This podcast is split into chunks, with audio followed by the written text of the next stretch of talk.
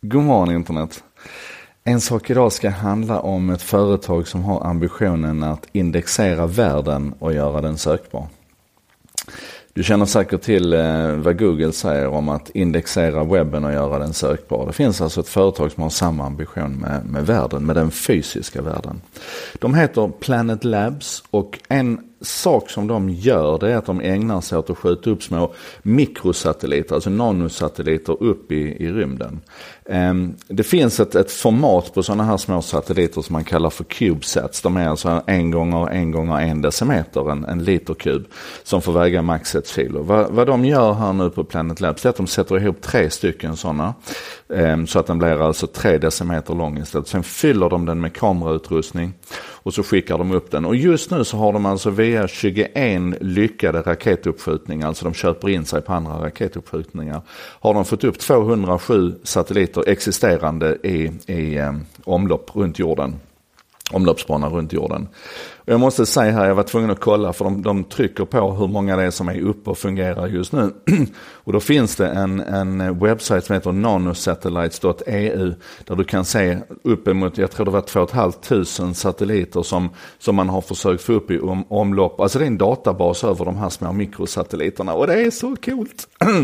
anyway, de har 207 uppe just nu. De här 207 satelliterna som ligger och, och cirklar runt jorden in, in low orbit. De tar eh, en och en halv miljon bilder om dagen. En och en halv miljon 29 megapixels bilder om dagen. Det är alltså 6 terabyte data varje dag som de skickar ner till jorden. Ehm, till 31 stationer nere på jorden då som samlar in den här datan. Och det här gör alltså att de kan, och håll i er nu, de kan alltså ta satellitbilder varje dag över hela jorden. Hela jordens yta täcker de varje dag. Och det är ju inte, det är inte så att du kan gå in och, och, och, få exakt varje dag på exakt varje plats. För ibland fallerar det och molnen täcker och så vidare. Men de, de täcker alltså hela ytan varje dag. Och det som då är lite fräckt är att det här är naturligtvis ett kommersiellt företag. Ehm, de har bland annat varit inne och köpt satellitventures ifrån, ifrån Google också. Ehm, så att de, de, de hårdsatsar på det här ur ett kommersiellt perspektiv. Ehm, jag såg förresten att de just nu har fått avskeda 10% av sin personalstyrka. Men jag hoppas att det bara är omstruktureringar och att det inte är ett tecken på att de är på väg att lägga ner. För att det de gör då förutom den kommersiella delen det är att de, att de delar med sig av det här datat på lite olika sätt. Är du forskare till exempel så kan du få hur mycket access som helst till det här datat. Men du kan faktiskt också använda en tjänst som de kallar för eh, Planet Stories, tror jag de kallar det för. Och vad du, eller Earth Stories, vänta ska vi se här, det är lika bra jag kollar så det här blir rätt. Ge mig en sekund bara, för jag har suttit och gjort sådana här hela morgonen här när man blir helt fascinerad. Eh, de heter, de heter Planet Stories. Och vad du gör där det är helt enkelt att, du, jag ska bara stänga det, fan vad det fladdrar här. Vad du gör det är helt enkelt att du går in i, i en kartbild och så antingen söker du eller navigerar dig fram till ett utsnitt på den kartbilden. Och sen så kan du, kan du välja en tidsperiod så att jag tog till exempel Öresund, så här perfekt Öresund.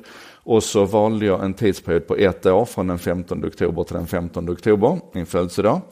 Och sen så sa jag till den plocka fram de här bilderna. Och då fick jag ett urval på 105 bilder som var användbara. Och utifrån det så plockade jag ungefär 60 bilder.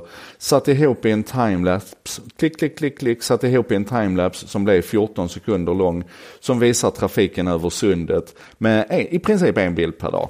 Eller åtminstone en bild var tredje dag blir det då. Eh, det här är, alltså det är så makalöst fräckt. Och, och att, att, få tillgång till det här verktyget. Nu är ju upplösningen inte den bästa på det vi kan se. Jag tror man pratar om 2,5 meters upplösning ungefär. Så att jag menar ett skepp det blir ju ett, ett par pixlar bara. Du kan inte just nu gå in och detaljstudera det här. Men det de då har på gång här nu det är att man, att man lägger ett AI-lager över det här. Så att du till exempel kan fråga hur många flygplan lyfte från Kastrups flygplats de senaste 30 dagarna. Och då ska de kunna plocka fram den datan till dig. Du ska kunna, du ska kunna titta på eh, fartyg som går in och ut ur hamnen och på det viset så ska du kunna liksom analysera fartygstrafiken.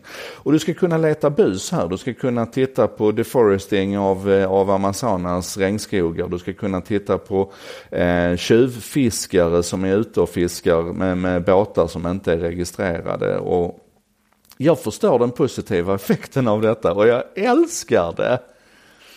Men samtidigt i takt med att upplösningen på de här, den här tjänsten ökar, i takt med att, att deras AI blir smartare så kommer de ju naturligtvis att kunna ta sig ner på åtminstone inom en snar framtid på fordonsnivå.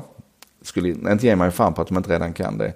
Så att de helt enkelt kan konstatera och följa din bil och se var den är någonstans. Eller konstatera om det är tänt eller släckt i ditt hus, om du har klippt din gräsmatta eller inte. Ehm, vi börjar liksom närmast, för det är ju någonting som händer när upplösningen ökar i både tid och i detaljrikedom. Och du dessutom lägger ett, ett lager av smartness på det här så att du behöver inte själv tolka bilderna utan du får hjälp av maskinen att tolka bilderna. Då börjar det här bli lite, så här, lite jobbigt. Men i alla fall, vad jag tycker du ska göra är att du ska gå till planet.com och så ska du rulla ner i botten och där är det, det, som heter, det som heter stories. Jag ska bara kolla en gång till. Ja, det heter Planet Stories. Och så, och så gör du en sån här story. Du, du signar upp ett konto och så gör du en sån här story. Bara för att, att liksom få känna på det här. Och sen när du har gjort det så fundera på både positiva möjligheter med detta och negativa risker. Så, positiva möjligheter, negativa risker. För det här är, det här är, um, mm, här kan vi liksom inte gömma oss.